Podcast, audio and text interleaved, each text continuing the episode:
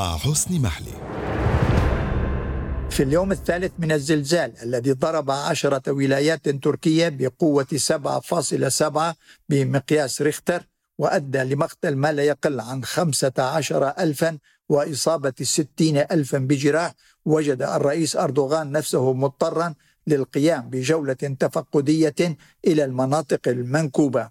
وبعد أن تعرضت مؤسسات الدولة وأجهزتها المختلفة إلى انتقادات عنيفة بسبب تأخرها في الوصول إلى مناطق الزلزال والبدء بعمليات البحث والإنقاذ ورفع الأنقاض وإيصال المساعدات العاجلة.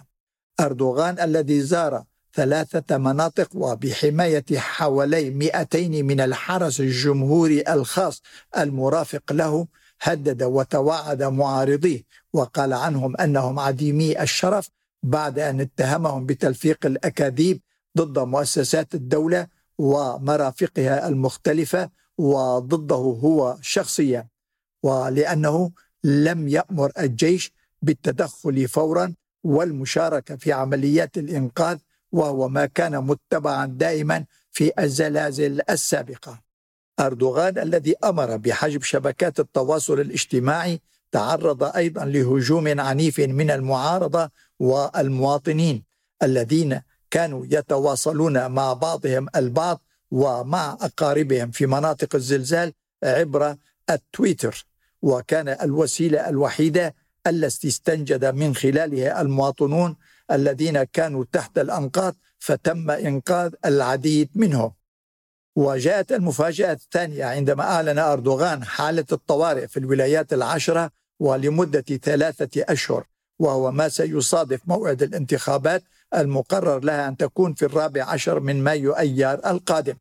ودفع ذلك أوساط المعارضة للتعبير عن مخاوفها من احتمالات أن يستغل أردوغان حالة الطوارئ ويؤجل الانتخابات وإذا تأكد له أنه سيخسرها وهو ما تبينه معظم استطلاعات الرأي المستقلة. كما بينت هذه الاستطلاعات أن سلوك أردوغان وفشل مؤسسات الدولة في التعامل مع الأزمة انعكس بشكل سلبي على شعبية أردوغان بعد أن منع بلديات المعارضة والمواطنين من إيصال المساعدات العاجلة إلى المناطق المنكوبة وأمر أن تكون المساعدات عبر إدارة الكوارث الحكومية والتي تتعرض بدورها لانتقادات عنيفة من الشعب بسبب تأخرها في الوصول إلى المناطق المنكوبة وتنظيم عملية نقل فرق الإنقاذ الأجنبية والتي جاءت من 60 دولة لمساعدة فرق الإنقاذ التركية. كما تعرضت الحكومة بمختلف أجهزتها لهجوم عنيف من المعارضة والمواطنين لأنها لم تصغي لتحذيرات خبراء الزلازل الذين توقعوا مثل هذا الزلزال منذ حوالي شهر داعين السلطات الحكومية لاتخاذ التدابير اللازمة مسبقا في المناطق التي حددها خبراء الزلازل وهي المناطق التي تعرضت للزلزال الأخير وقال أردوغان أن ما تعرضت له ليس إلا من القضاء والقدر وهو ما كان أيضا سببا لهجوم عنيف من أهالي المناطق التي تعرضت للزلزال الأخير. ويقول الخبراء أنه لن يكون الأول كما هو لن يكن الأخير متوقعين لزلازل مشابهة بنفس القوة أن تضرب نفس المنطقة وحتى البحر الميت وقبرص جنوبا مرورا بسوريا ولبنان والأردن. في الوقت الذي يتحدث فيه آخرون من الخبراء عن احتمالات أن تتعرض إسطنبول بدورها خلال السنوات القليله القادمة لهزة أرضية قوية تدمر عشرات الآلاف من المنازل والمرافق وتؤدي لمقتل ما لا يقل عن مئة ألف إنسان. ودون أن تكون تحذيرات الخبراء كافية بالنسبة للدولة التي لم تتخذ أي تدابير جدية فاستمرت في السماح للمقاولين ببناء المساكن في المناطق الحساسة دون الالتزام بالمعايير الدولية الخاصة بالمباني التي تبنى في المناطق المعرضة للهزات الأرضية كما هو الحال في تركيا. ويزيد ذلك من احتمالات سقوط هذه المباني في أي زلزال بقوة سبعة وأكثر بمقياس ريختر. وهو ما شهدناه في زلزال آب أغسطس 1999 في شرق مدينة إسطنبول حيث لقي حوالي عشرين ألفا مصراهم بعد أن دمر الزلزال وألحق أضرارا متفاوتة في ثلاثين ألف مسكن ومبنى.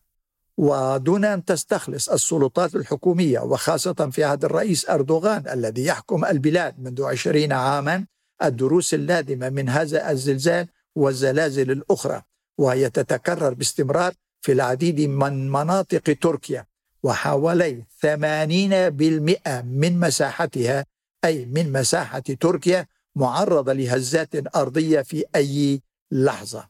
كما هو الحال في الهزات السابقة وزاد عددها عن 35 هزة أرضية خلال 20 سنة الماضية وعن 135 هزة أي زلزال خلال 120 عاما الماضية. وأودت هذه الزلازل بحياة عشرات الآلاف من المواطنين بعد أن دمرت عشرات الآلاف من المباني والمنازل والمرافق الحكومية والخاصة. كما هو الحال في الزلزال الأخير الذي دمر المستشفيات والطرق الرئيسية والمدارس والمباني الحكومية وهو ما كان أيضا مادة أخرى لمهاجمة أردوغان بحجة أن معظم هذه المرافق قد تم بناءها خلال السنوات الأخيرة من قبل شركات مقاولة أصحابها مقربين من أردوغان.